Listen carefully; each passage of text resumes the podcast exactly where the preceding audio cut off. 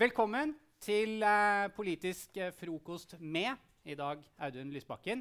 Eh, dette er eh, et eh, nytt eh, konsept som Litteraturhuset i Trondheim, avisa Klassekampen og Nasjonen har sammen, hvor vi frem mot valget skal da intervjue toppolitikere fra forhåpentligvis alle, alle partiene for å skape en bedre samtale fram mot kommunevalget, som er i høst. Uh, utrolig hyggelig å se at så mange kommer på vårt første møte. Uh, jeg heter Jo Skårderud. Jeg er journalist i avisen Klassekampen. Og det er jeg som skal lede disse møtene framover sammen med Cato Nyquist, som er politisk redaktør i Nasjonen, og som jobber her i Trondheim. Nå kom jeg på en ting jeg må si. og det er at Vi har en fyr som heter Alexander, som, står, uh, som sto utafor og som kommer til å stå utafor etter møtet. Og han jobber på en måte både for Klassekampen og Nasjonen og skal prøve å få folk til å prøve avisa sånn tre uker gratis. Og han står ute i kulda og, og, fryser. Så hvis folk er snille mot Alexander etterpå, i hvert fall tar imot en avis eller skriver seg opp prøver tre uker, så blir, blir Alexander veldig glad. Så det kan dere bare ha i bakhodet. Eh, det var en liten, var en liten digresjon. Jeg bare kom på, jeg må ikke glemme det. stakkars Alexander nå. Eh, nei, men eh, Utrolig hyggelig å ha dere her. Jeg tenkte jeg skulle bare si bitte lite grann om hvordan vi kommer til å gjøre dette opplegget i dag. Og eh, før jeg gjør det, så vil jeg bare be om litt sånn tålmodighet fra dere. fordi dette er et nytt opplegg for meg og Cato. Vi har ikke gjort sånne intervjuer som vi planlegger uh, her i dag før. Så hvis vi kløner det til eller begynner å avbryte hverandre, eller noe sånt, så er det bare Ja, vi prøver å finne, finne formen. Um, men ok, opplegget i dag. Det vi har tenkt å gjøre nå er at Vi skal intervjue vår gjest uh, jeg og Kato, vår gjest Audun Lysbakken i ca. 45 minutter. Og så slipper vi til dere i publikum. Så da har vi satt av omtrent en halvtime hvor dere kan stille Audun akkurat de spørsmålene dere vil. Og da tegner dere dere rett og slett med bare rekke opp hånda, så skal jeg prøve å, å få med alle sammen. Eh, og så, når klokka er kvart over ti, da må vi være ferdig. Så da må jeg bare si nå er vi ferdig. Eh, så det betyr jo at hvis det er mange som har spørsmål, så ber vi om at folk prøver å være litt sånn konsise i spørsmåla sine. Ikke, altså det er spørsmål vi er ute etter, ikke lange foredrag. Ikke tving meg til å komme og ta fra dere mikrofonen. Um, og så, uh, ja, og så sånn praktisk opplysning da, så er det sånn at vi tar opp dette møtet Uh, og så hvis dere har Bare vit det. Eh, det alle spørsmål er, er, helt greit, selvfølgelig. Eh, bare vi, men bare, det er greit å si fra at det blir tatt opp. Men hvis det er sånn at dere stiller spørsmål dere har lyst til å stille spørsmål, og dere absolutt ikke har lyst til å havne på lydopptaket, så er det mulig å gå til lydmannen etterpå og si sånn Ta ut meg. Men, men helt ærlig, det er Altså, det Men det er mulig. Det er mulig. OK. Uh, da tror jeg jeg hadde kommet med den praktiske informasjonen jeg trenger å komme med. Da tenker jeg at vi starter, og det har lyst til å gjøre med å introdusere eh, Politisk frokost med sin første gjest. Og det er jo altså da SV-leder Audun Lysbakken. Og eh, Audun Lysbakken er jo en kjent figur. Dere vet eh, sikkert alle sammen hvem han er. Men jeg tenkte allikevel jeg skulle gi en litt sånn ordentlig introduksjon til Audun. Audun Lysbakken er altså 41 år. Han er eh, bergenser. Eh, han har vært partileder i SV siden år 2012. Alt dette her er sånne ting som folk stort sett vet. Men eh, det er mange som ikke vet at Audun også elsker å irritere sine kolleger i SV ved å komme inn om morgenen og rope og Jeg skal ikke engang prøve det her, men sånn 'God morgen!' Sånn, på, den, på det kolleger kaller den jævligste, vi får ta ut det, den jævligste bergensdialekten du kan tenke deg.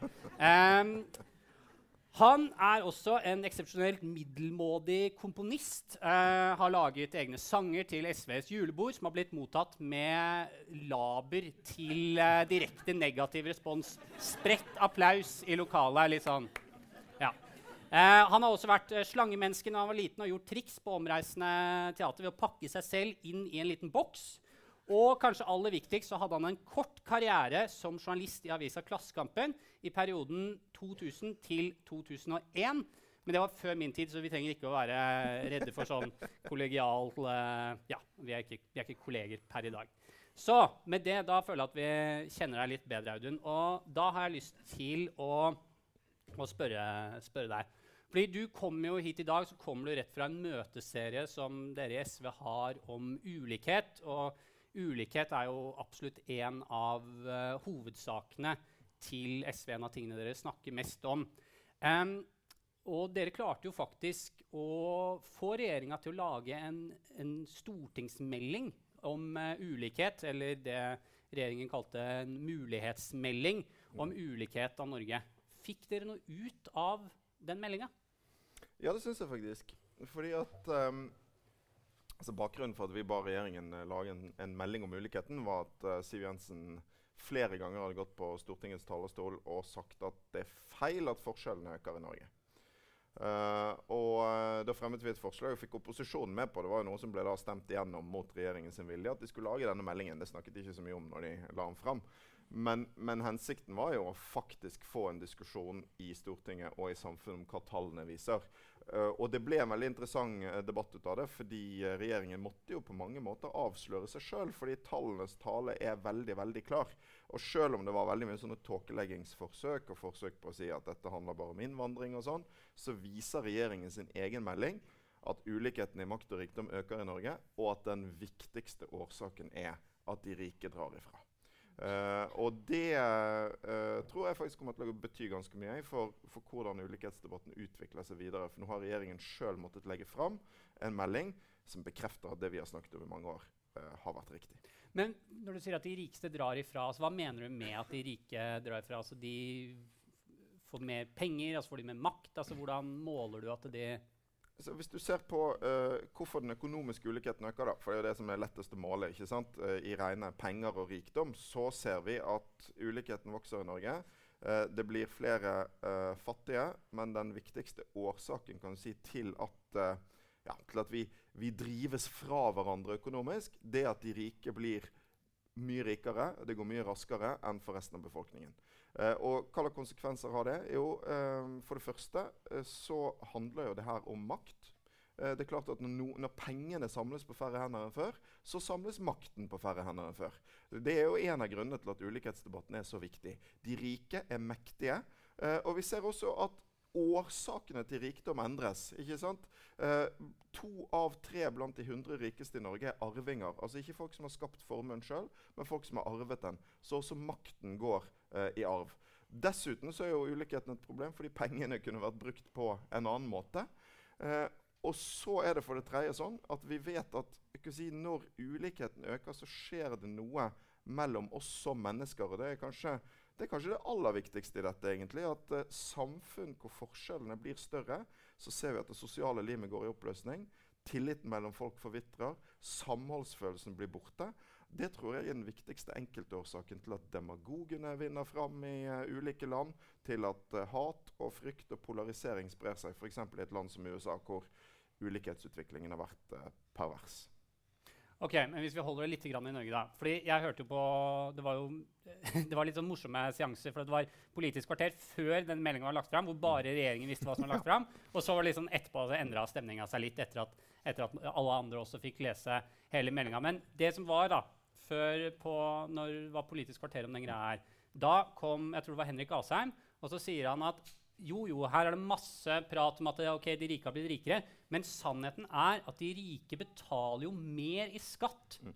nå enn de gjorde under de rød-grønne. Altså, så vi får jo inn mer penger til fellesskapet fra de rike enn enn man gjorde når de rød-grønne satt i regjering. Så var det ikke stor forskjell. Det var sånn 35,4 versus 35,2% altså, Men det var noe mer inntekt i skatt fra de mm. rike. Og det viser jo på en måte at høyresida har rett. at OK, det, vi skattlegger dem noe mindre, men pengene, bingen deres vokser, så da blir det mer til fellesskapet uansett. Så på en måte, vi, altså, vi sitter jo igjen med mer penger enn vi gjorde før. Mm. Men du kan bruke tall til veldig mye rart. sant? Og du kan òg bruke tall til å, å, direkte villede folk. Og det er det de gjør med de tallene der. For det, det de viser, er at ja, andelen av skatteinntektene til fellesskapet som kommer fra de rikeste, er omtrent like stor som før. Men hva viser det? Jo, fordi skatten på alt det de rikeste henter sine inntekter fra. Altså, sant? Forskjellen på de rikeste og de fleste andre er at de rikeste henter penger fra å eie ting. Eh, store formuer, eh, skyhøy arv osv. Mens folk flest henter inntekter fra arbeidet. Det lønner seg stadig mer å eie i forhold til å arbeide. Det er den grunnleggende drivkraften i ulikhetsutviklingen nå i hele den vestlige verden. Så, så hva viser de tallene egentlig? Jo, de viser at selv om skatten på rikdom har gått ned, så, da, så, så, får, så, får, staten inn omtrent like mye penger si, fra rikfolk. Men det sier jo bare noe om at forskjellene har økt. At det har blitt flere rike de siste årene. Vi setter rekorder i antall milliardærer samtidig som vi setter rekorder i antall fattige barn. Og så er det jo en masse andre tall som regjeringen ikke har lyst til å snakke om. Se på uh, utviklingen i arbeidslivet, f.eks. Det er kanskje på mange måter mest dramatiske uttrykket for økende ulikhet. Fordi arbeid og arbeidsliv er liksom grunnmuren i et likhetssamfunn. Hva skjer der? Jo, de, de 10 dårligst betalt i den norske arbeidslivet har ikke hatt reallønnsvekst i det hele tatt det siste tiåret. Mens de på toppen har hatt 15% vekst i realinntekten. Altså en voldsom polarisering. Det kom tall i dag som viste at i, sant, i 2007 så var for de dårligst lønnede i det norske arbeidslivet tariffdekningen, altså hvor mange som var dekket av en tariffavtale, var del av det organiserte arbeidslivet, ca. 40% I 2012 var det 25 I dag vet vi ikke, men sannsynligvis enda lavere. Så det er jo veldig dramatiske tall. Dette er den berømte norske modellen som, som rakner innenfra. Tariffdekningen har gått fra 40 til 25% OK. Ja. Um, OK, men hvis altså her snakker vi om, du, du, har de rike, en gruppe dere snakker veldig mye om. Og så har du ganske mange, og så har du en, en liten gruppe som ikke har hatt noe reallønnsutvikling. Men for ganske mange så går det jo, går det jo eh, helt OK. Altså har fått noe, har fått noe dekning. Eh, eller fått noe økning denne, denne perioden. Eh, altså ja, eller, la, meg, la, meg, spørre en annen ting. Dere, vil snakke om de rike. Eh, og Frp de eh, vil snakke om eh, en gruppe som ikke er rike. De vil snakke om innvandrere. Mm. Og de sier, og det var det når denne meldinga ble presentert, at den viktigste driveren Så ble jeg litt usikker på om de sa ulikhet eller fattigdom, men det er, er, er at det kommer at det er fattige innvandrere på bånn. Det er dårlig integrering, og vi får inn, tar inn eh, overført betydning for mange innvandrere som er fattige, og dermed vil du få økende ulikhet. Og Er ikke det også en del av bildet? At du vil få økende ulikhet i Eh, et samfunn når du importerer folk som eh, Eller slipper inn folk som har veldig dårlige mm. vilkår på bunn hele tida. Da vil jo forskjellene øke, da. Altså Innvandringsdebatten er absolutt en del av ulikhetsdebatten. Uh, og det er, jo, altså det er jo lett å lage sånne stråmenn i politisk debatt. En av de stråmennene som Fremskrittspartiet uh, lager, det er den som, som går omtrent som følger. Um, innvandring er en viktig årsak til ulikhet og fattigdom, og dette vil venstresiden aldri snakke om. Men altså, sant hva er det vi snakker om i norsk politikk? Det er jo ingenting vi har snakket mer om de siste 15 årene enn innvandring. Altså Det er innvandring på innpust og utpust og det mest gjennomdebatterte, overdebatterte temaet i norsk politikk. Sånn, så Hvis Sylvi Listhaug bare liksom drar en tur, tur, til København, så står hele det norske pressekorpset, unntatt Klassekampen og Nasjonen, da, er med på turen. Det er helt vilt. sant? Det er helt, helt, helt vilt. Så, så, uh, så det mest underdebatterte temaet i norsk politikk mener jeg egentlig det vi var inne på i sted. Altså hva skjer egentlig i det norske arbeidslivet? Det Uh, når aldri toppen av, av uh, VG og Dagbladet. Men uh, det var en digresjon. Men, men, men, poenget er sant? Ja, innvandring er viktig. Hva slags integreringspolitikk vi fører, er viktig. hvis du ser på f.eks. særlig Det de gjør veldig ofte, det er at de blander ulikhet og fattigdom. Og, og, fattigdom er en del av ulikhetsdebatten, men det er jo ikke hele. Sant? Innvandring er ikke den viktigste årsaken til ulikhet. Innvandring er heller ikke den viktigste årsaken til fattigdom. Men når det gjelder fattige barnefamilier, så har veldig mange innvandringsbakgrunn. Men så må jeg jo spørre ok, hva sier det oss? Jo, det sier oss at god integreringspolitikk er en viktig del av en politikk for å utjevne forskjellene. Men av og til blir jo dette brukt som en sånn Ja, men da er det kanskje ikke så stort problem er det som liksom ligger under. Mm. Men altså, alle disse barna er våre barn. Det er like stor grunn til å øke barnetrygden når mange av disse barna har, um, har innvandrerbakgrunn.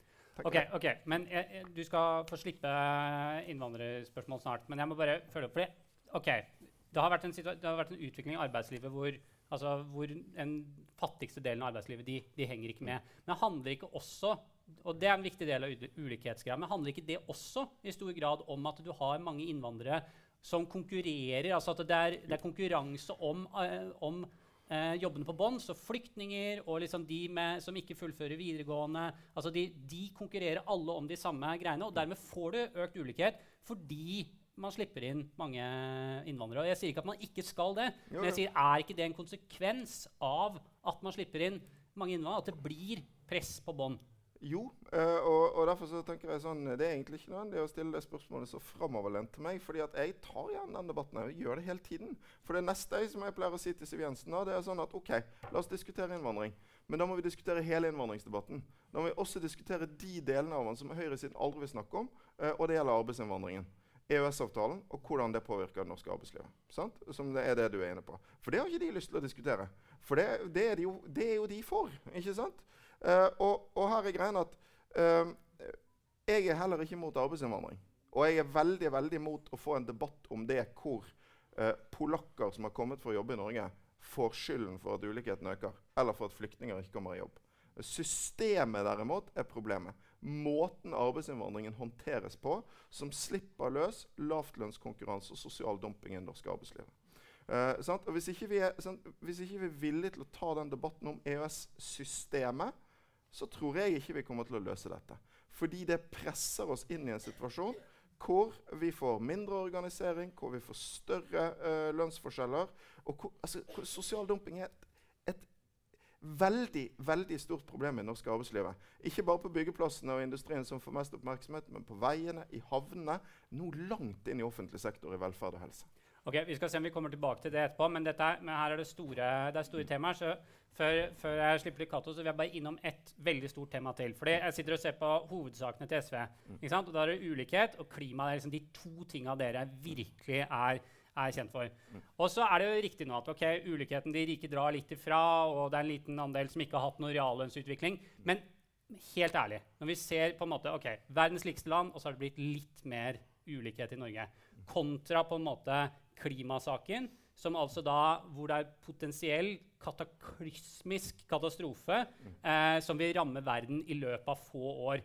Altså, tenker du at det er riktig av et eh, parti å vekte de to altså Hvis jeg var med i Miljøpartiet De Grønne, mm. så ville jeg sagt, og dette er det folk som, som sier, som er sånn Jo, ulikhet og sosialpolitikk det er viktig, men på en måte det, vi kommer ikke til å kunne diskutere ulikhet og sosialpolitikk hvis vi alle sammen er uh, under vann og jorden har gått til helvete. Så burde dere ikke på en måte sette fokuset inn på å løse klimakrisa de få tiårene vi har mulighet til å gjøre det. Og så kan vi krangle om uh, hva vi skal gjøre med penga til de rike etterpå.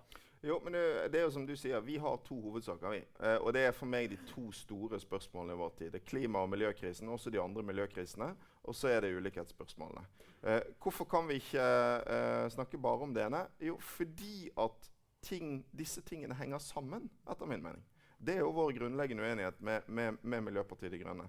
Fordi det vi må, eh, det vi må gjøre så vi, vi, være, vi, vi, er jo det eneste virkelig rød-grønne partiet i norsk politikk. Sant? Vi har et bein i arbeiderbevegelsen og et bein i miljøbevegelsen. Det er liksom hele, det er mener jeg, SV sin egne rolle i norsk politikk å være det stedet der det røde og det grønne møtes. Og, og det er det en grunn til. fordi at de, sant? Hvordan vi skal løse klimakrisen, det handler ikke bare om alle de tekniske grepene for hvordan vi skal få ned utslippene. Det handler om hva slags samfunn kan klare den omstillingen. Og jeg er veldig sikker på for det første at et samfunn med voksende ulikhet, større tillitsskap, mindre samhold, aldri vil klare den omstillingen. Og for det andre eh, at veldig mye av den økonomiske modellen du må ha for å få ned ulikhetene, og den modellen du må ha for å løse miljøkrisen, også henger sammen. Og det er rett og slett fordi sant, markedsliberalismen er totalt uegnet til å løse miljøutfordringene. Sant? Fordi markedet er skapt for å styre etter kortsiktig profitt, mens miljøkrisen den krever en økonomi som gjør det som er langsiktig fornuftig. Derfor er jeg grunnleggende uenig i at det er sånn at høyre-venstre-aksen er liksom en egen greie som er foreldet. Nå er det eh, kun liksom den, den grønne mot grå aksen. Begge to teller. Og, om, og en mer venstreorientert økonomisk politikk har mye bedre forutsetninger for å løse miljøkrisen. Derfor kan du liksom ikke si at du like gjerne kan gjøre det samme med Høyre. Det er liksom Det, det, liksom, det er, det er dømt til å mislykkes, mener jeg tenker jeg Kato kan, eh, Da har jeg lånt deg lenge nok, så da kan Cato ta over. Det var godt å slippe til. Jeg Følte meg etter hvert som uh, tause Birgitte. uh, jeg tenkte vi skulle følge opp med det her med næringspolitikk, altså grønn næringspolitikk. Men aller først uh, må jo ta tak i eh, liksom den mest Kanskje det som framstår som den viktigste saken i, i, i norsk debatt uh, nå.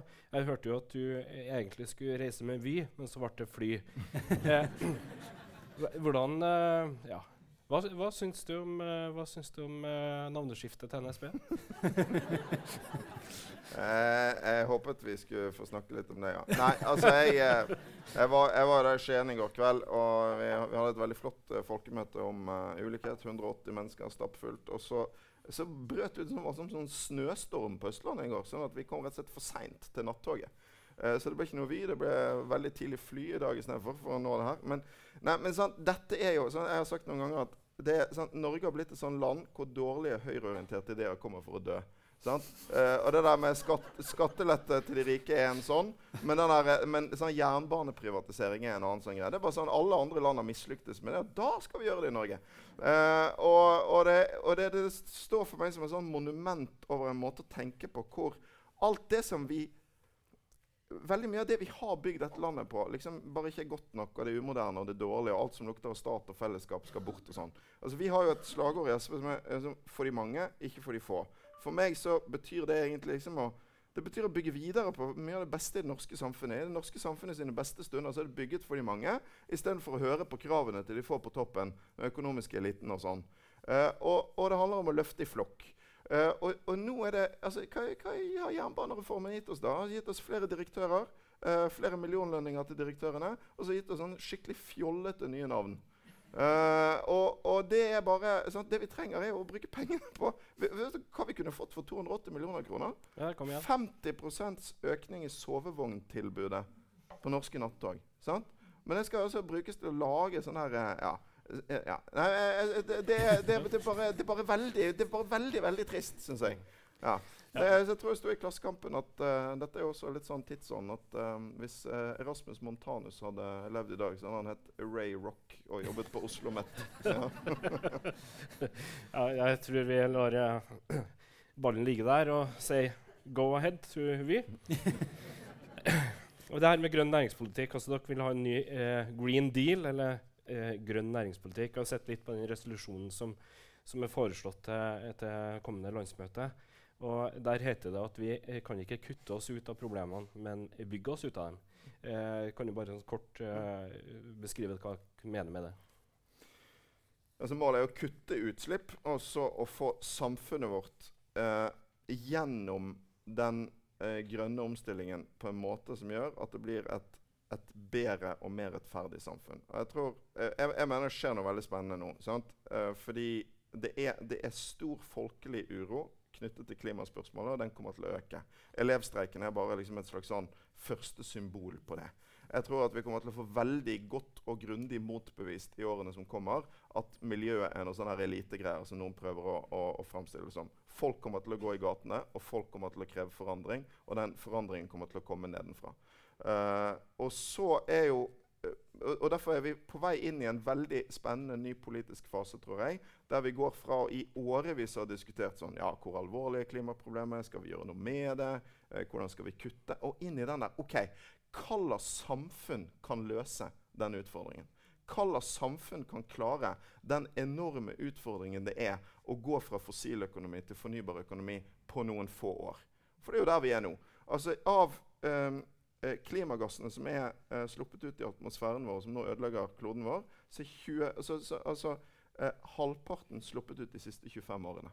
Altså, og Det er bare et viktig tall å ha med seg, for det viser hvor vanvittig mye tid som er sløst bort. Og det viser at si, muligheten for en langvarig overgang den svinner år for år. For hvert år som går, jo raskere må dette skje. Så, så hva økonomi kan gjøre dette? Og Det er jo der denne Green New Deal-tanken kommer, som er stor i USA nå. Og vi er jo det partiet i Norge som, som jobber med tilsvarende ideer. Altså en, Hvordan skaper vi en grønn og rettferdig omstilling? Og, og, poenget er at Da må vi gjøre det vi alltid har gjort i Norge. Når, når du skal ta store sprang næringsmessig, teknologisk på kort tid, da duger ikke markedet. Da må fellesskapet inn, staten må inn. Uh, du må uh, styre pengene i retning teknologiutvikling, forskning, industribygging, næringsutvikling uh, for å få dette til på en helt annen måte enn det, enn det markedet kan gjøre. Du snakker om bevilgninger, statlig eierskap og, Ja. og slike ting. Ja. Altså, jeg snakker om, sant? Altså, så nå Folk har sett denne Lykkeland-serien i Norge. sant? Og Det jo, det, det var jo det var bra TV. Og så hadde vi uh, ja, I mitt fylke, da, i Vestland, så hadde Høyre sånn sitt første valgkamputspill. og Det var sånn, ja, Nå måtte Arbeiderpartiet lære av Lykkeland. For jeg synes det var veldig farlig at Arbeiderpartiet hadde en uh, debatt om leterefusjonsordningen om, om, uh, for, for olje. ikke sant? Uh, uh, så vi måtte lære av Lykkeland. Det var tydelig det Høyre hadde lært av Lykkeland, det var jo liksom at uh, du bør, må drive med olje. men sant, det er jo ikke det du skal lære av Lykkeland. Det du skal lære av Lykkeland er at Hvis du skal greie å omstille økonomien til det nye som kommer, da må du ha aktive politikere, en aktiv næringspolitikk, en aktiv stat. Du må pøse penger inn i å utvikle det nye. Og du må ha en politikk for ikke å legge ned det gamle og så håpe at noe annet kommer, men å ta bedriftene, arbeiderne, kunnskapen med over i det nye. Det var det Norge klarte når oljealderen kom, og det er egentlig det vi skal gjøre nå òg. Dette har vi faktisk gjort før. Vi må klare det igjen. Men det krever Ja. politikk. Ja, men når, nok, eh, eller når vi nå skal, skal fase ut eh, oljen, eh, og det ligger det også i resolusjonen deres, så, så må vi ta i bruk andre naturressurser og skape verdier av dem. Eh, men er ikke en fare for, dere, for at dere også møter dere sjøl i døra? Det kan jo også komme i konflikt med eh, andre viktige mål for SV, sånn som naturvern. Mm. Eh, jeg har jo flere eksempler på det. Så, eh, skog, f.eks. Dere vil bruke skogen mer aktivt. Eh, samtidig så er dere et parti som, som eh, ønsker mer skogvern. Altså, hvordan hvordan eh, tenker, tenker dere å balansere ut eh, de kryssende interessene som åpenbart ligger der? Ja, det, det er jo bare tull å late som om ikke dette er motsetninger. Sant? Også når du skal gå over til en fornybar eh, økonomi, med den liksom, raske utviklingen av ny teknologi og ny industri som det krever, så vil det selvfølgelig også der du, du møter andre typer miljøutfordringer. Sant? Klimakrisen er jo ikke den eneste miljøkrisen vi har. Vi har jo flere parallelle eksistensielle miljøutfordringer der eh, biologisk mangfold er en annen, som er også veldig, veldig eh, truende. Uh, og da, men, og, men, jeg tror at sånn, det må vi jo òg da løse ved Jeg tar mineraler, f.eks. En uh, veldig aktuell debatt nå. ikke sant? Uh, norske mineraler må brukes i det grønne skiftet. Men hvis vi skal utvikle en måte å utvinne det på som gjør at vi kan ta det i bruk, men samtidig på en naturmessig forsvarlig måte, så kan ikke Norge ligge i bånn i Europa når det gjelder miljøkrav. Altså Norge er det eneste landet i Europa som tillater eh, dumping av gruveavfall i sjø. Sant? Det sier, vi, det sier vi nei til. Uh, det, vi, vi, sånn kan vi ikke ha det. Og jeg mener Historien om f.eks. prosessindustrien viser at miljøkrav er lurt fordi det driver fram smartere løsninger. Men det her med sjødeponiet, både Repparfjorden og Førdefjorden det, framstilles jo som en uh, forutsetning for å kunne få drift i disse gruvene. Mm. Altså, alternativet her er jo ingen drift. Vil ikke være, det være den dårligste løsninga når du tenker på hvordan mineraler blir utvinnet andre plasser i verden? Det er bedre at Norge med, med de eh, miljøkravene som ligger både i Kvalsund og i Førde, eh, får i gang gruvedrift. Ikke sånn som, uh, ikke sånn som uh, de sakene er i dag. Fordi altså, Repparfjorden handler om, sant? det handler om liv i fjorden. Det handler om hensyn til andre næringer. Fiskerinæringen, som vi er veldig opptatt av. Og det handler om urfolksrettigheter. Uh, det er veldig mange sterke grunner for å si nei til, til det prosjektet sånn som det ligger i dag. det kommer vi ikke til å bakke på. Vi kommer til å støtte de som sier nei til gruvedumping. Og dette er igjen sant? det å stille tøffe miljøkrav den viktigste drivkraften for å presse ulike industrier i en miljøvennlig retning. Man må slutte å tenke at tøffe miljøkrav er næringsfiendtlig. Hvis en norsk prosessindustri hadde hatt en mye vanskeligere framtid hvis ikke Norge hadde vært tidlig ute med miljøkrav som gjorde at en ble verdensledende på å ta i bruk grønn teknologi. Men jeg, skal, jeg, har ikke lyst til å gi meg helt på det her med sjødeponi. for jeg, altså I Norge så har vi eh, litt spesielle fjorder, altså terskelfjorder. Og eh, nå vet jeg at det er litt ulike meninger i, på faglige, eh, i ulike faglige etater om, hva som er bra eller ikke. Men i hvert fall Miljødirektoratet mener jo at, at et sjødeponi i Repparfjorden er, er, er, et bedre miljøalternativ enn et landdeponi. Eh, hvor fornuftig er det på, en måte altså Dere ønsker et forbud, generelt forbud mot å deponere sjø. Men hva hvis det viser seg å være et bedre miljøalternativ enn andre? Altså, hvis jeg tar Jøssingfjorden, f.eks.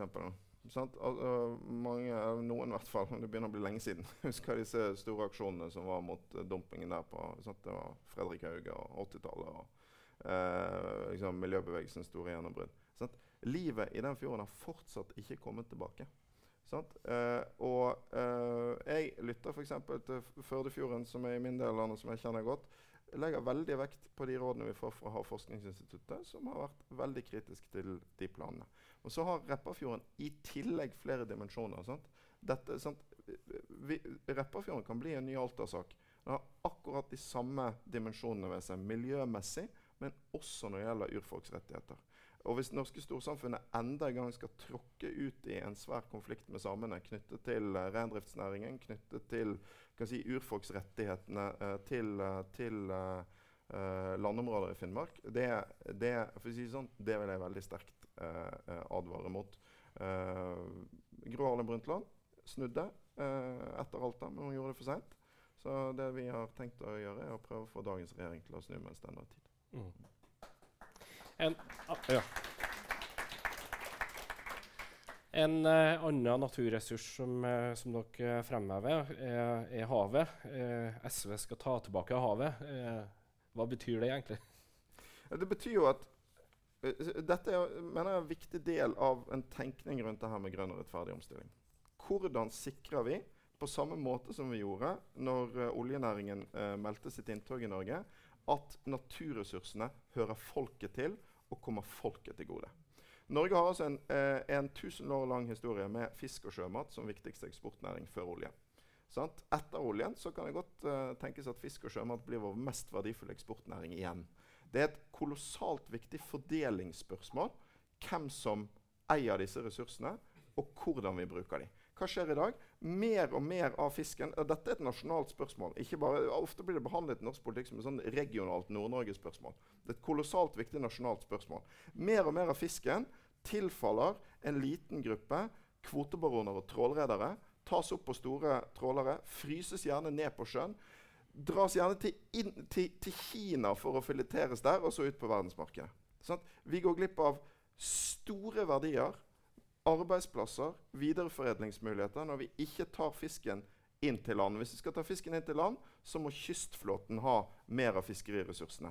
Det skaper grunnlag for bosetting, for næringsutvikling, for bedrifter. Særlig i Nord-Norge, men langs hele kysten vår. Og derfor er sånn, Dagens fiskeripolitikk den er virkelig for de få, og ikke for de mange. Den er virkelig forfeilet. Og Derfor er et av hovedgrepene vi foreslår for det første å grunnlovfeste folkets rett til fiskeriressursene. Et vern mot at de privatiseres bort. Og for det andre så foreslår vi hjemfall også på uh, uh, fiskekvoter. Altså vi mener at deler av de fiskekvotene som i dag tilfaller trålflåten, at vi skal ha hjemfall til kystflåten på det. Og Dette mener jeg bør bli en stor rød-grønn idé for å bygge landet. Men her har vi dessverre en utfordring, for dette forslaget stemte ikke bare Arbeiderpartiet, men også Senterpartiet mot denne uken. Uh, som jeg syns var veldig veldig skuffende. Uh, og her er det altså SV som er det ledende distrikts- og næringspartiet når det gjelder kystpolitikken, Nord-Norge og fisken. Uh, en annen grein av fiskeriet er jo havbruksnæringa, som jo har hatt en, en eksplosiv vekst. Og, og ja, er vel en av de næringene som virkelig er eksportretta og, og, og i, i, økning. Eh, og eh, noe av det næringa frykter mest, er jo eh, såkalte særskatter, da, eller grunnrentebeskatning. Mm. Eh, jeg regner med at SV eh, ønsker en grunnrentebeskatning ut ifra den retorikken om at det er fellesskapet som skal, skal, eie det og ha inntekter av det. Men er det ikke en fare for at denne næringa bokstavelig talt vil seile til andre farvann hvis, eh, hvis man øker skattetrykket? Det vil jo alltid eierne i enhver næring si. Uh, og hvis en alltid skal høre uh, på det, så hadde vi hatt null skatt på all næring. Det her, var jo, det her var jo en debatt også på Venstres landsmøte. Det var det. Og der så jeg at det var, det, det var jo på en måte i det sentrale Venstre så snakker man om konsesjonslover og, mm. og, og, arven fra Sam Eide, som Venstre gjerne ville ha, ha en, en, ære for. mens det da var kystkommunene og, og ute i distriktene Venstre som var, som var mest mot mm. en, en, sånn særskatt. Jeg synes det har vært motsatt. fordi Det var SV som uh, først fremmet forslaget om en sånn skatt. Uh, og som gjorde at vi, og det, Dette var jo før flertallsregjeringen ble dannet, så vi fikk jo faktisk et flertall for å få utredet det. Så det var vårt initiativ. Og det var noe som kom fra SV, ikke minst i Nord-Norge, uh, og som var knyttet til den sant? Noen mennesker har blitt vanvittig rike på havbruksnæringen. Vitsø-familien her i den delen av landet for eksempel. De er jo veldig imot at de skal betale mer skatt. Men sant? dette er altså svære inntekter som skapes på grunnlag av våre felles naturressurser, våre felles fjorder, og også med en betydelig miljøbelastning. Sant? Prinsippet for all annen type utnytting av våre felles naturressurser på den måten er at du betaler en skatt for den gevinsten som du i praksis får fra det som tilhører oss alle. Naturen vår, sjøen vår, landet vårt. Sant? Det er rett og rimelig, og også et viktig fordelingsspørsmål. Og, og, det er ikke minst et spørsmål om at flere kommuner som er vertskap for denne næringen, skal få litt mer igjen for det enn det de gjør i dag. Jeg mener Det er, er, er viktig. Jeg er helt sikker på at Norge har en framtid som hav, havbruksnasjon, også om vi begynner å stille flere krav, både når det gjelder å bidra til fellesskapet, og når det gjelder eh, miljø, enn det vi gjør i dag.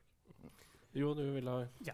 Uh, for nå har du jo fått eh, prata litt om den der uh, sant, inspirerende industribygning dere vil ha på disse forskjellige næringene våre. I tillegg så foreslår dere jo å utvide velferdsstaten på flere områder. Altså, det er vel tannhelse, det er gratis, eh, gratis SFO, det er gratis kjernetid i barnehage. Altså, er, her, er det, her, er det, mye ting som skal gjøres. da. Men alt dette her kommer jo til å koste fryktelig mye penger. Altså, Industrireising er ikke noe du gjør gratis.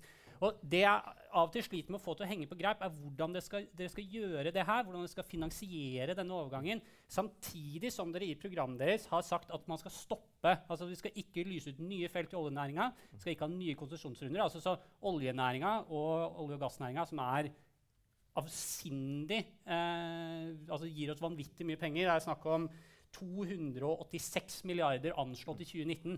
Så det jeg ikke får til å henge på greip, er hvordan skal dere finansiere enorme, disse enorme prosjektene og denne veksten i velferdsstaten, samtidig som dere skrur av krana på vår viktigste næring? Altså, disse tallene og, og de uh, brukes jo ofte også av, Norsk olje og gass f.eks. De er jo helt riktig. De viser hvor mye vi har å takke alle de som jobber i olje- og gassnæringen for. Men de viser òg hvor ekstremt avhengig norsk økonomi har blitt av oljen. Sant? Og da kan du velge, og så kan du lese de tallene på to måter. Du kan velge å si 'wow, se på de tallene'. Det betyr at vi må fortsette sånn. Eller så kan du si 'wow, se på de tallene'. Det betyr at det haster veldig å bli mindre avhengig av oljen. Og det er det siste som er riktig. fordi Vi har ikke gått inn for sånn som noen andre har gjort, så, å liksom sette sånn sluttdato for all oljevirksomhet. Det er ikke sånn det kommer til å fungere. Men det vi har sagt er at vi skal ikke leite etter nye områder og tildele nye områder nå. Eh, hvorfor det? Jo, av klimahensyn, selvfølgelig. Men òg fordi den økonomiske risikoen er veldig stor. Sant? Fordi hvis vi, sant? Klimaendringene er jo ikke det, det, liksom, det, det, er jo brutal matematikk og fysikk. Altså, atmosfæren fylles opp av klimagasser. Det varmer opp jorden. Har, det går fort. Kommer, da kan vi velge to ting. Vi kan vedde på at verden ikke kommer til å handle. I et sånt scenario så kan vi bare ta opp mer olje og regne med å få solgt den. Men hvis vi går ut fra at verden istedenfor kommer til å handle noe jeg faktisk tror Jeg tror ikke det kommer til å bli nødvendigvis så strukturert og ordnet og sånn som en håpet for noen år siden. Det kan bli eh, mer brutalt og kaotisk. Men det kommer til å skje, fordi presset nedenfra kommer til å bli så stort i veldig mange ulike samfunn.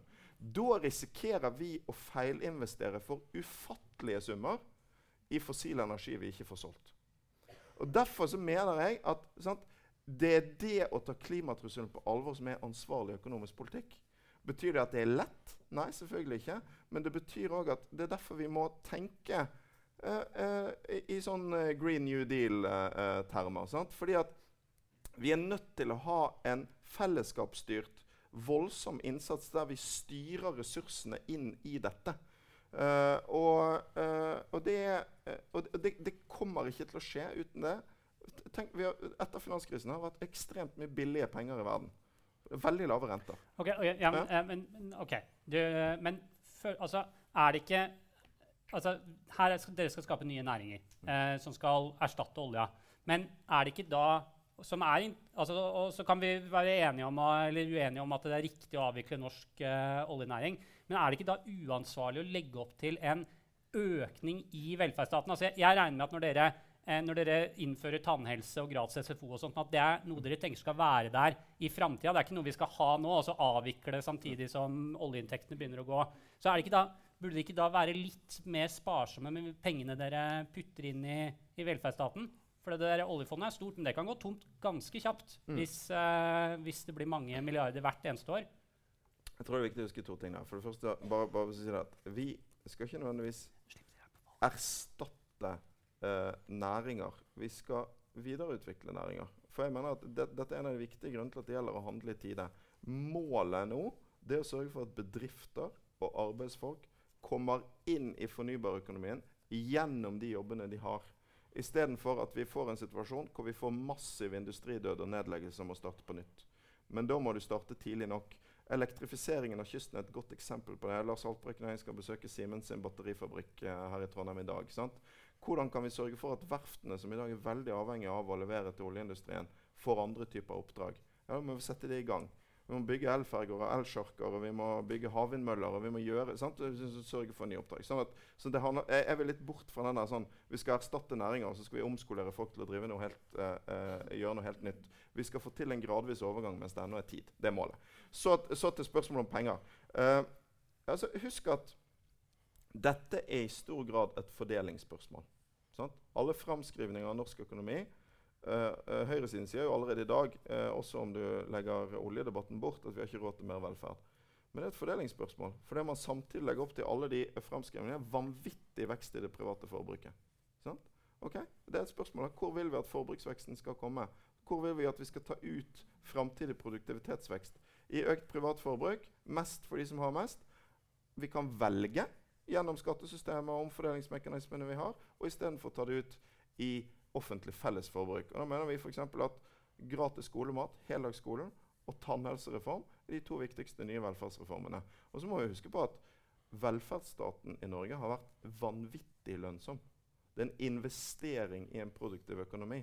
Så den måten å tenke økonomi på, der du har en privat sektor som er et pluss og en offentlig sektor som er et minus, går jeg bare ikke med på. Sånn en av grunnene, viktigste grunnene til at Skandinavia har verdens mest produktive økonomier, det er velferdsstaten. Ja. Eh, jeg tenker vi tar eh, og går over på et nytt tema. Altså det, eh, denne intervjurunden er jo knytta opp imot eh, lokalvalget. Det er et lokalvalg, kommunevalg, til høsten.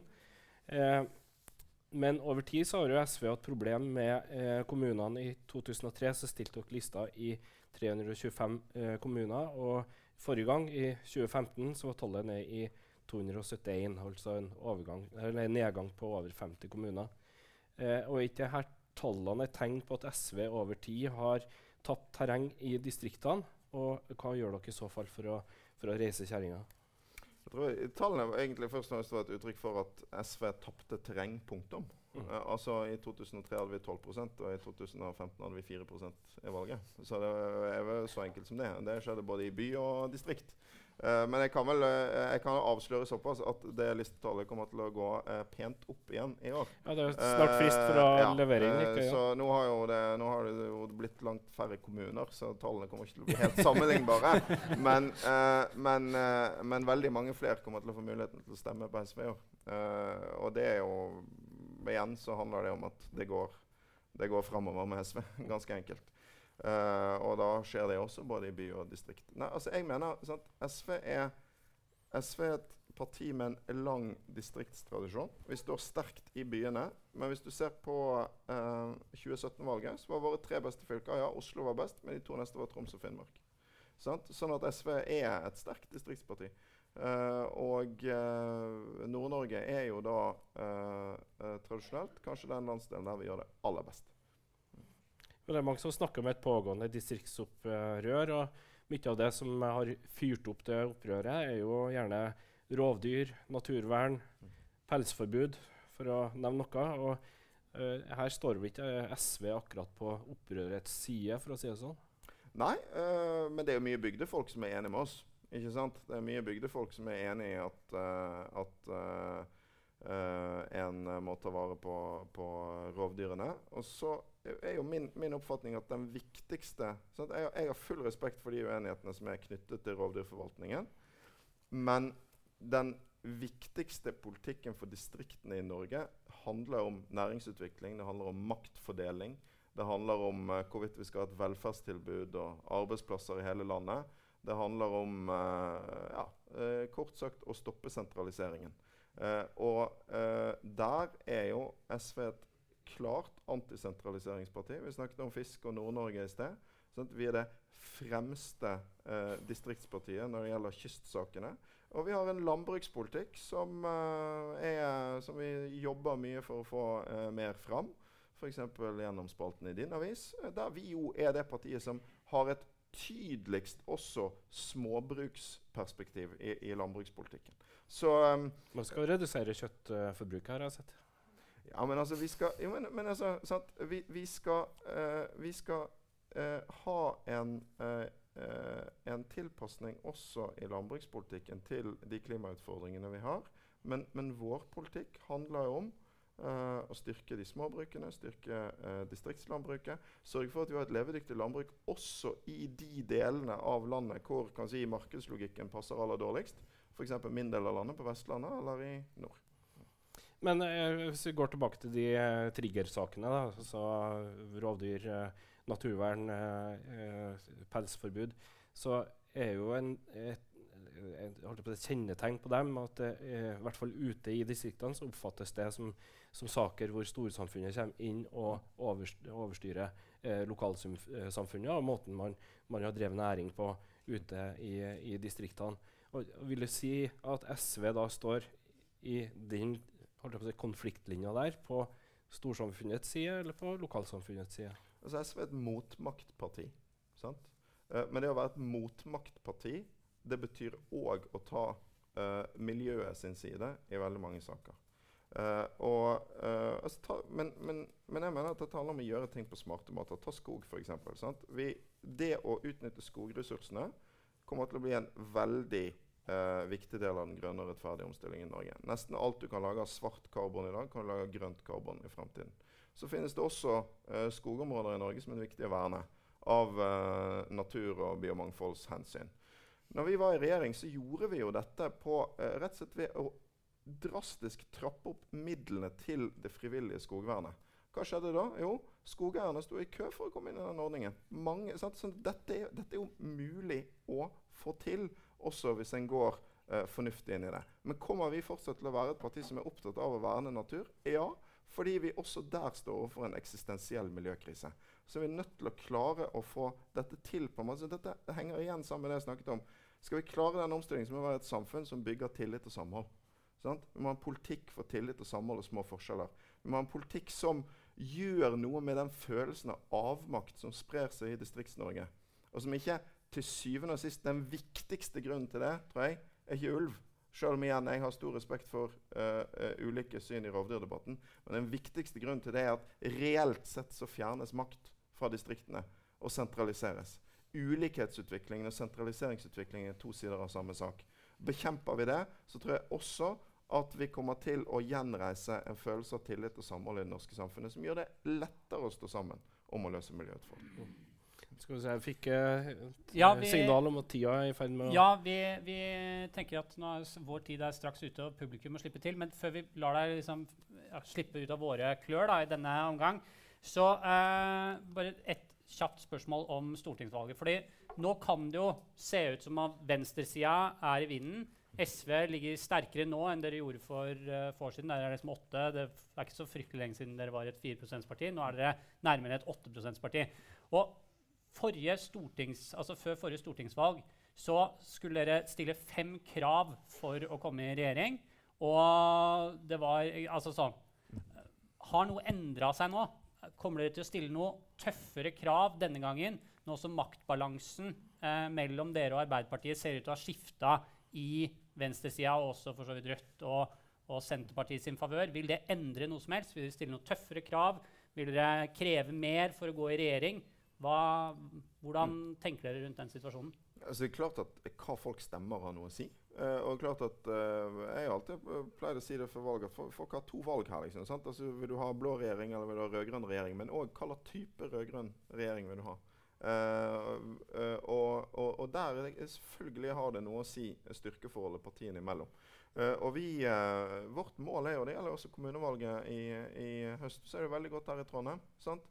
Hva er vårt mål her? Er å sørge for at du kan fortsatt ha et flertall som holder de borgerlige unna, men et mye mer radikalt og tydelig flertall. Både når det gjelder miljøspørsmålene og fordelingsspørsmålene. Rødere og grønnere. Uh, der er jo vårt mål å sørge for at Arbeiderpartiet uh, ikke lenger kan uh, styre alene med sentrum. Sånn er det også i, i, i min hjemby Bergen. så selvfølgelig har det noe å si. og det gjør at vi kan få mer til. Hvis ikke hadde jo valget vært ja, klarte å ha et kjapt oppfølgingsspørsmål på det. Ja, vi ser jo det at SV gjerne angriper eh, Venstre og KrF som sitter i, dagens regjering da, for å samarbeide med Frp. Eh, mye av problemet da er, er det dere angriper dem eh, hovedsakelig for, er jo innvandringspolitikken og klimapolitikken. altså de, Den enorme forskjellen på retorikk mellom Frp og, og på den ene sida og Venstre og, og, KrF på den andre. Men hvis dere skal i regjeringen, eh, så får dere med eh, Senterpartiet, eh, som jo av Venstre anklages for å være både mer innvandringsfiendtlig og, og, og, dårligere på klimapolitikk enn Frp. Eh, hvordan ser du på det samarbeidet?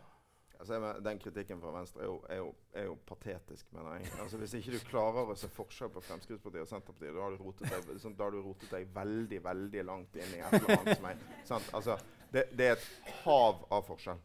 Uh, Senterpartiet er et parti som uh, Vi er ikke enige i alt. Vi har vært innom en del av de tingene vi er uenige om. Sant? Knyttet til uh, naturvern og, og klimaområdet og sånn. Det en, det er, en, uenighet som selvfølgelig kan bli krevende å håndtere, men må vi håndtere. Men sant? Senterpartiet er ikke et parti som driver og tråkker på folk som har lite, og på innvandrere, og, og sparker nedover i det norske samfunnet. For meg er det en enormt grunnleggende forskjell. Det er dessuten sånn at på mange andre saker knyttet til uh, fordelingspolitikk, distriktspolitikk og sånn, så står jo Senterpartiet ofte oss nærmere enn Arbeiderpartiet. Sant? Sånn at for oss er det ikke unaturlig å samarbeide med Senterpartiet. Uh, og det, Venstre, har, Venstre, har, brutt løftet sitt om ikke å samarbeide med Frp og prøver å finne på alle mulige unnskyldninger for å komme rundt det. og det kommer de til å fortsette å holde på med, og ingen hører på det. Da, da, avslutter vi denne, denne, biten av sesjonen vår her. Eh, tusen takk til, eh, til, deg, Audun, så langt. Så jeg kan gi ham en liten applaus. Eh,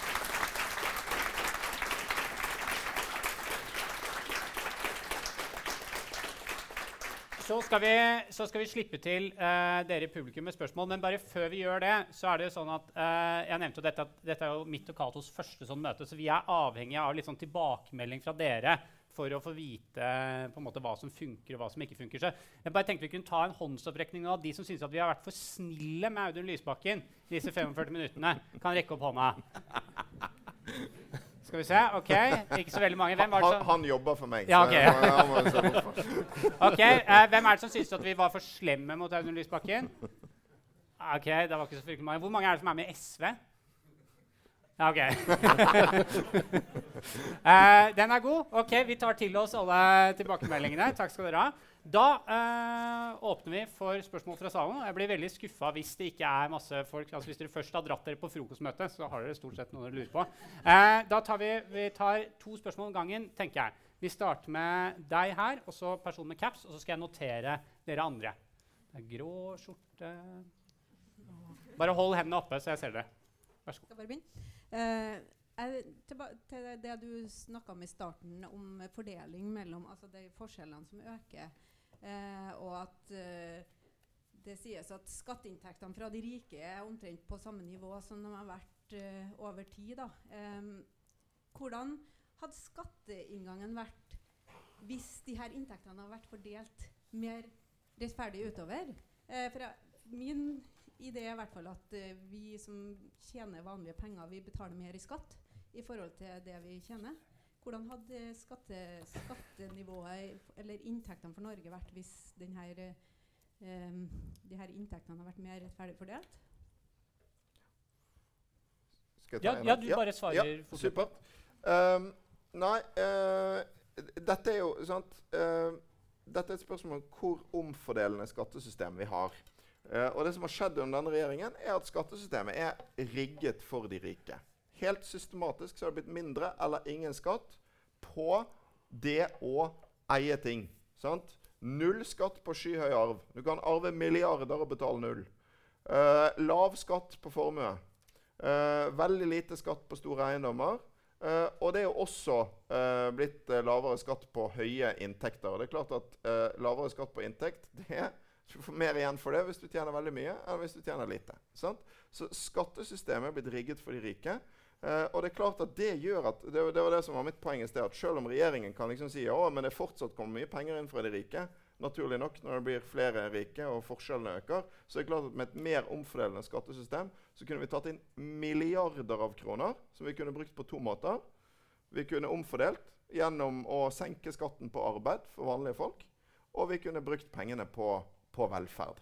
Og Derfor så er det faktisk sånn at i det skatteopplegget som SV foreslår i Stortinget, så har vi eh, 20 milliarder kroner mer til velferd, samtidig som folk som tjener under 600 000, kan si vanlige norske arbeidstakere, vil få større skatteletter med vårt opplegg enn de får med regjeringens skatt, sitt, uh, skattesystem. Takk skal du ha. Eh, da skal jeg bare fortelle litt om hvordan eh, ting ser ut på tallista her. Jeg har eh, ti stykker eh, inntegna på tallista. Det betyr at både publikum og Audun må fatte seg i relativt korthet hvis vi skal komme oss gjennom talerlista. Det betyr også at jeg eh, setter strek under neste taler, som jeg har døpt for uh, rød, med kanskje mer sånn burgunder caps. Uh, der. Og jeg kommer til å omtale dere ved klærne deres og, og, synlige kjennetegn. Det er den eneste måten vi kan gjøre dette her rettferdig. Ok, Da er det burgunder caps der, og etterpå så er det grå genser her framme. Yes. Uh, Henrik, leder av studentlaget her i Trondheim. Hvordan skal vi få stoppa EUs jernbanepakke 4, slik at det blir ikke enda mer oppstykking og mer privatisering av norsk jernbane? Og tror du at Vy er en del av denne privatiseringspolitikken? Ja, altså vi er jo definitivt Grunnen til at NSB føler at de må gjøre dette Nå er jeg uenig i at de må det, da, men grunnen til at de føler at de må det, er jo at de skal uh, er at de har blitt et helt annet selskap. Altså Det som er igjen av NSB, folkens, er i realiteten et slags bemanningsbyrå. Sant? For jernbanen er blitt så oppstykket at det er nå et annet selskap som eier togene.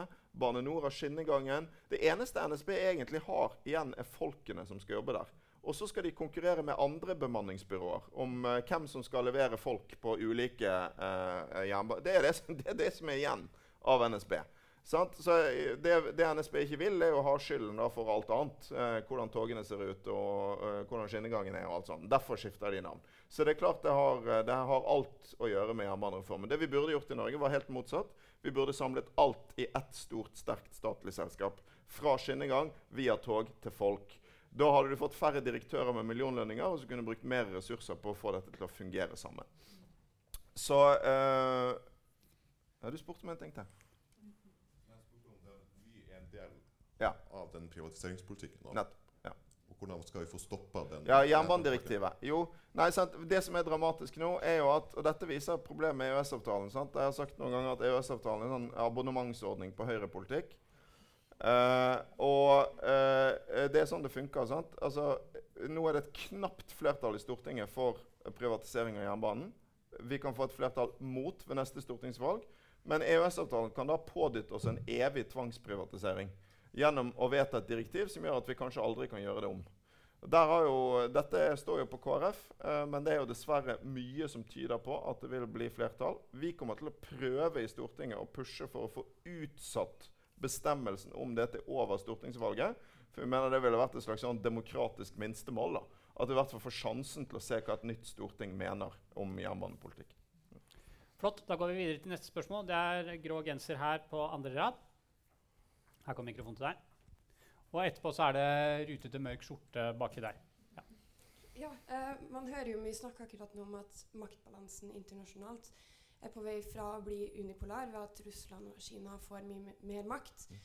Eh, og at i det her så mister FN av sin makt, og verden er på en måte på vei fra å være idealpolitisk eh, til å bli realpolitisk. Mener du fortsatt at det vil være trygt for Norge i en situasjon som dette å trekke seg ut av Nato og trekke seg lenger eh, unna USA? da? Ja. Eh, det der, er, eh, det der er jo en, eh, en, veldig stor og viktig debatt som vi også kunne pratet hele morgenen om. sant? Altså fordi at det, det, det som holder på å skje med verden, er at vi går fra en fase hvor Eh, verden eh, sakte, men sikkert tross alle sine feil blir litt mer regelstyrt og mer styrt gjennom internasjonalt samarbeid, til nå å gå inn i det som ser ut til å bli en ny fase med eh, forsterket stormaktskonflikt. Der USA og Kina vil være de to eh, viktigste og mektigste i verden, og veldig mye vil handle om maktspillet de imellom. Uh, og Da uh, mener jeg vi må liksom nullstille litt debatten om norsk sikkerhetspolitikk. For vi skal inn i noe som er helt annerledes enn den gamle kalde krigen. Helt annerledes enn den verden vi har vært i de siste 50 eh, 2030-årene. Jeg mener at det grunnleggende interessen for Norge som et lite land er to ting. For det første å kjempe for en verden som fortsatt er så regelstyrt som mulig. Eh, kjempe for FN, f.eks. Men for det andre å holde oss utenfor stormaktskonflikter. Det store problemet med norsk sikkerhetspolitikk i dag er at vi har bundet oss så tett til USA at vi i realiteten vil kunne bli dratt inn i alle deres konflikter. Det ser vi jo også konflikter som ikke har noe med oss å gjøre, og er helt andre steder i verden. Sende soldater til masse kriger vi ikke har noen ting med. Jeg mener det er en forfeilet politikk, uh, og at alternativet er at vi bør søke større nordisk samarbeid. Uh, og sant? Jeg innser at det er, det er langt fram til det som er vårt primære alternativ, en nordisk forsvarsallianse. Men det vi i hvert fall kan gjøre i dag, det er å gå ut av den posisjonen Norge er i nå, som et av de Nato-landene som er nærmest knyttet til USA. Som f.eks. da resulterer i at vi, eh, det plasseres amerikanske soldater her på Værnes og lenger nord. Det trygger ikke Norge. Det er tvert imot med på å øke spenningen i nord. Fordi det er, uh, det, det, som øker spenningen mellom Russland og Norge, det er ikke at Norge håndhever sin suverenitet eller har militær tilstedeværelse, det er at USA rykker inn. Derfor er det dårlig sikkerhetspolitikk for Norge å la USA rykke. Flott. Da er det skjorte bak der. Har vi mikrofon? Ja, det er flott. Veldig bra. Um, nå ser vi en regjering som kommer med angrep på abortlova, som har veldig dårlig barsel- og fødselssituasjon for kvinner. Og i tillegg til dette så skal vi ville føde flere barn. Så hva syns du om regjeringens likestillingspolitikk, eller mangelen derav? Nei, altså jeg, tenker at uh, det, de, uh, Ropstad og Solberg skal i hvert fall ha det at de har gjort én ting for likestillingskampen i det siste, og det er å virkelig mobilisere bra til 8. mars. Jeg var, jeg var 8. mars-taler i Moss, og det var 500 mennesker. Det var stuvende fullt i lokalet. Liksom. Så, så, jeg tror de har fått en veldig klar melding der, for å si det sånn. Men det er helt riktig at det er mange ting å, å, å, å kjempe om. Vi er jo mot innstramminger av abortloven. Eh, fødsels- og barselsomsorgen er et veldig viktig spørsmål. og Det er også et spørsmål om fordeling og, og distriktspolitikk. som vi har vært inne på, ikke sant? For dette er jo nå, dette er underfinansiering av velferden. Vi har uh, mye dialog og samarbeid med Jordmorforbundet blant annet rundt dette. Uh, så det er en sak vi, vi jobber veldig mye med. Da har vi mørk skjorte bak der. Og så innser jeg at dette systemet mitt er ikke helt perfekt. Så er det noen som kjenner seg igjen som personen svart skjorte. Eller er mørk skjorte og svart skjorte en og samme person? Det vil tiden vise. Ok, mørk, svart skjorte, vær så god. Jo, takk, takk. Eh, dere snakker jo veldig mye om ulikheter. Og historien har jo vist at forsøket på å utjevne ulikheter har gått ganske fatalt tidligere. Så hva er hva mener dere er akseptable ulikheter i deres program? Hvor mye kan den rikeste tjene? Hvor mye kan den fattigste ha? Hvor, mye, hvor langt vil dere gå for å utjevne disse ulikhetene? Altså, total uh, likelønn uh, er, kommer vi ikke til å få. Det var riktignok sånn, uh, sånn i Klassekampen en gang i tiden. Jeg vet ikke om det men, men, men, men jeg Altså, jeg, jeg vil si sånn jeg er uenig i at forskjell på utjevne ulikheter har pleid å gå galt. Eh, av og til så får jeg spørsmål om, eh, fra, fra, folk på høyresiden som spør meg sånn Ja, eh, og, og, dette sies ofte med et litt sånn lurt smil, for jeg syns at nå har de stilt et veldig godt spørsmål som jeg ikke kan svare på. Sånn, Nevn ett land hvor sosialisme har gått bra. Og da pleier jeg å si Vel, jeg tror faktisk du har vært en del i det landet, det, for det, det er Norge. Ja. Altså Det er veldig mye sosialisme i det norske samfunnet. Eh, og det har jammen meg gått ganske bra. Eh, og, og, det vi driver med, det er sant, SV er et parti som står for sosialisme på norsk. Som handler om å videreutvikle det beste i det norske samfunnet.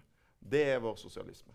Uh, og, og, veldig mye av det vi, vi, går inn for å gjøre i dag, handler egentlig om å bygge på de samme prinsippene som det her samfunnet er bygd på fra før et arbeidsliv for de mange og ikke for de få på toppen. En sterkere velferdsstat, mer omfordelende skattesystem osv. Grønn genser, kan det være deg? Ja. Det er grønn genser på første rad her. Og etterpå så er det rute, nei, ikke rutete, men stripete kjole. Ja, vær så god. Hei. Som fysiker setter jeg veldig stor pris på at dere prøver å ta ansvar for klima og miljø. Men det nevnte her oppbygging av ulike næringer og mineraler ble så vidt nevnt.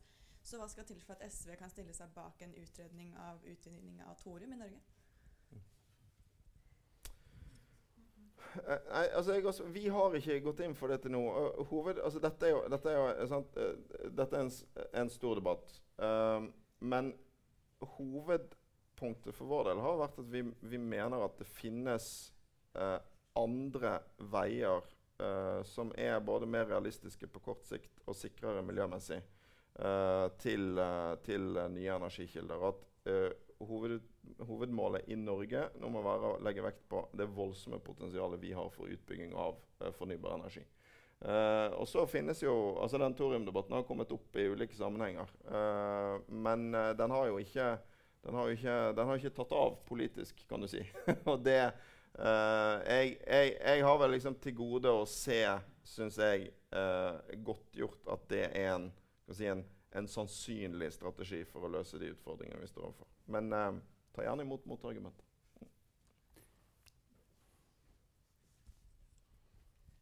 Ja, eh, takk skal du ha for at du er her. Det har vært veldig spennende å høre på. Jeg har lyst til å si det først. Eh, jeg sitter og tenker på eh, en sak som matjord. Fordi at her i Trondheim så har vi vært kjempegode på å bygge ut matjorda vår. Og det har liksom vært på tross av at jeg trodde at det var en del begrensninger på landsnivå på det. Uh, så jeg vil gjerne høre hva du, hva du, SV, tenker om det. Og hvordan man kan på en måte tvinge kommunene til å holde matjorda unna boligbygging. Da. Det på den ene siden. Og på den andre siden det her med, med tørrlegging av drenering av myr. Som man gjør og skal liksom skape ny matjord. Da. Ikke sant? Og det er jo forurensende som bare det. Så det, jeg syns det også er et stort tema. da. Jeg er enig i det. Matjord er et utrolig viktig tema. Vi, altså, vi står jo for en, en, restriktiv arealpolitikk. Kjedelig ord, men altså, det handler om å, rett og slett om å uh, SV rundt om i kommunene, også vår nasjonale politikk, så tror jeg at vi er veldig konsekvente på uh, å, uh, prøve å unngå nedbygging av matjorden. Og det, dette, jo, dette er jo virkelig, Her kan du virkelig se sammenhengen mellom de lokale spørsmålene de store globale spørsmålene. Sant? Fordi Hva er det klimaendringene kommer til å gjøre, som allerede er i gang? Jo, eh, klart Når temperaturen stiger, så eh, vil du få ødelegging av veldig store arealer hvor det i dag produseres mat. Uh, I en sånn verden, som også av ulike grunner, både pga. klimaendringene, stormaktsrivalisering osv., blir mer urolig, så er det veldig sterke argumenter for å øke vår egen matproduksjon og gjøre oss mindre avhengig av import fra verdensmarkedet. Uh, og, og, En del av det å ruste seg for en sånn situasjon er selvfølgelig å sørge for at vi har potensialet til økt produksjon. Og da kan vi ikke legge all den beste matjorden under asfalt. Supert. Da har vi to spørsmål igjen. Eh, da er det deg med bart. Hei. SV-medlem, tusen takk for at du har vært her. Det er så deilig å ha en leder som er tydelig. Um, men dere er tydelige på nasjonalt nivå. Vi trenger noen tydelige også på lokalt nivå. Og SV i Trondheim er ikke tydelig nok for meg. Um, jeg ønsker dere sentralt backer opp på en måte eh, lokallagene, og iallfall Trondheim, til å komme på banen mer med sin politikk koblet til lokale saker. Jeg spør f.eks. Dere skal på batteribesøk i dag. Det er jo et fint oppslag. Hvorfor er ikke noen lokale med? Um, jeg vet ikke hvor dette her uh, spørsmålet egentlig går eller ender, men, uh, men uh, det er et savn. Takk. Ja, de, eh, jeg kan forsikre deg om at de lokale er med. Jeg, jeg er veldig stolt av Trondheim SV. Jeg tror, eh, og jeg, jeg, håper at du vil se nå i valgkampen og, og det som kommer framover, at uh, det kommer til å bli et veldig tydelig avtrykk. Uh, Mona uh, Berger, som uh, topper listen. Mona er her et sted. ES, og gjengen tror jeg kommer til å gjøre det veldig bra. Det ser veldig lovende ut. og Siste målingen i Trondheim var 13% Så det er jo det er den storbyen vi ligger best an i nå. Så det er veldig inspirerende for oss. Og så um, har vi jo Lars, som, uh, som uh, er uh, trønderfrontfiguren på Stortinget. Så jeg og Lars skal også da rundt i dag og se på alle, alt eh, potensialet for grønn og rettferdig omstilling som kommer fra Trøndelag. Så, og Mona skal være med. Det er helt sant. Så jeg tror, jeg tror det skal bli uh, veldig god fart i den lokale valgkampen. Men å minne alle her som er SV-ere og folk Nei, nei, dette skal det ikke om- utvikle seg til Nei, nei, nei. nei, om nei. at folk må være med. uh, siste spørsmål fra, for i dag. Rød genser. Først ønsker jeg bare å si at det var en veldig, veldig god eh, debatt. Men så hadde jeg et lite spørsmål. fordi at jeg lurte på, Du snakka jo om at SV var et distriktsparti. Men fra Alta, eksempel, der jeg er fra, så er det veldig mange som er avhengig av bil. Og som, eh, så har kollektivtransporten der vært dårlig veldig, veldig lenge. Og det er veldig få som eh, ser det at det skal gå an til å ta kollektivt, fordi at det er veldig store avstander, og ting er veldig spredt. Så hva er på en måte argumentet, eller hvordan få mer appell rundt det? da? Jeg tror uh, det er viktig at det finnes et godt kollektivtilbud i, i distriktene også. Uh, særlig for, uh, for ungdom, f.eks., som, som er, er avhengig av det. Men vår samferdselspolitikk handler jo om å se at vi vi må ha ulik transportpolitikk i ulike deler av landet. Ikke sant? Og Det betyr at det er viktig å bruke noen store penger på å bygge ut kollektivsystemene i byene og på å sørge for trygge, gode veier i de delene av landet hvor bilen alltid kommer til å være hovedframkomstmiddelet. Sant? Så vi er jo ikke et parti som er mot vei. Vi er et parti som er for vei der det trengs vei. Og mot disse gigantiske motorveisløse prosjektene. F.eks. vi skal bygge fergefri E39 over hele Vestlandet og få bort alle fergene. Istedenfor å bygge moderne, raske elferger. Som by the way kan bygges ved norske verft og, og hjelpe oss med den grønne omstillingen. Sant? Sånn at sånn at her må vi, liksom, Målet må være mener jeg, at du skal ha et utrolig godt kollektivsystem i byene. Du skal ha et veldig godt utbygd jernbanenett mellom ulike deler av landet. Så skal du ha et godt nok kollektivtilbud til unge og andre som er avhengig av det i distriktene. Men et veldig viktig mål for distriktspolitikken er at du skal ha trygge, gode bruksveier for de delene av landet hvor bilen eh, alltid kommer til å være eh, hovedalternativet. Og så skal vi jo få da nullutslippsbiler til å rulle på de veiene. Mm. Ok, folkens. Da er det sånn at det, vi eh, ser ut til å ha kommet eh, til veis ende. Eh, før vi takker av Audun ordentlig, så vil jeg bare si at eh, jeg og Cato setter veldig pris på at alle dere kom her i dag. Og at vi får Altså, det, det, er god lærdom for oss, og vi tror at disse møtene hvor dere får møte disse politikerne, har, uh, har stor verdi. Og så må vi selvfølgelig se på hvordan jobbe med hvordan best gjøre det, sånn at det blir best for oss og best for dere. Men eh, vi vil takke for at dere kom, for at dere stilte veldig gode spørsmål. Så ta en applaus for det.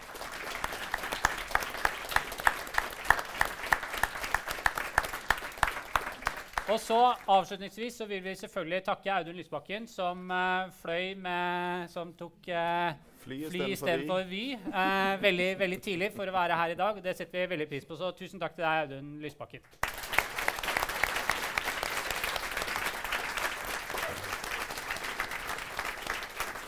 Så er det sånn at eh, om en uke så er vi tilbake her. Da er det ikke Audun Lysbakken, men eh, Jon Helgheim, innvandringspolitisk talsperson i Fremskrittspartiet, som er her. Da kommer vi til å få en del andre svar enn vi fikk i dag.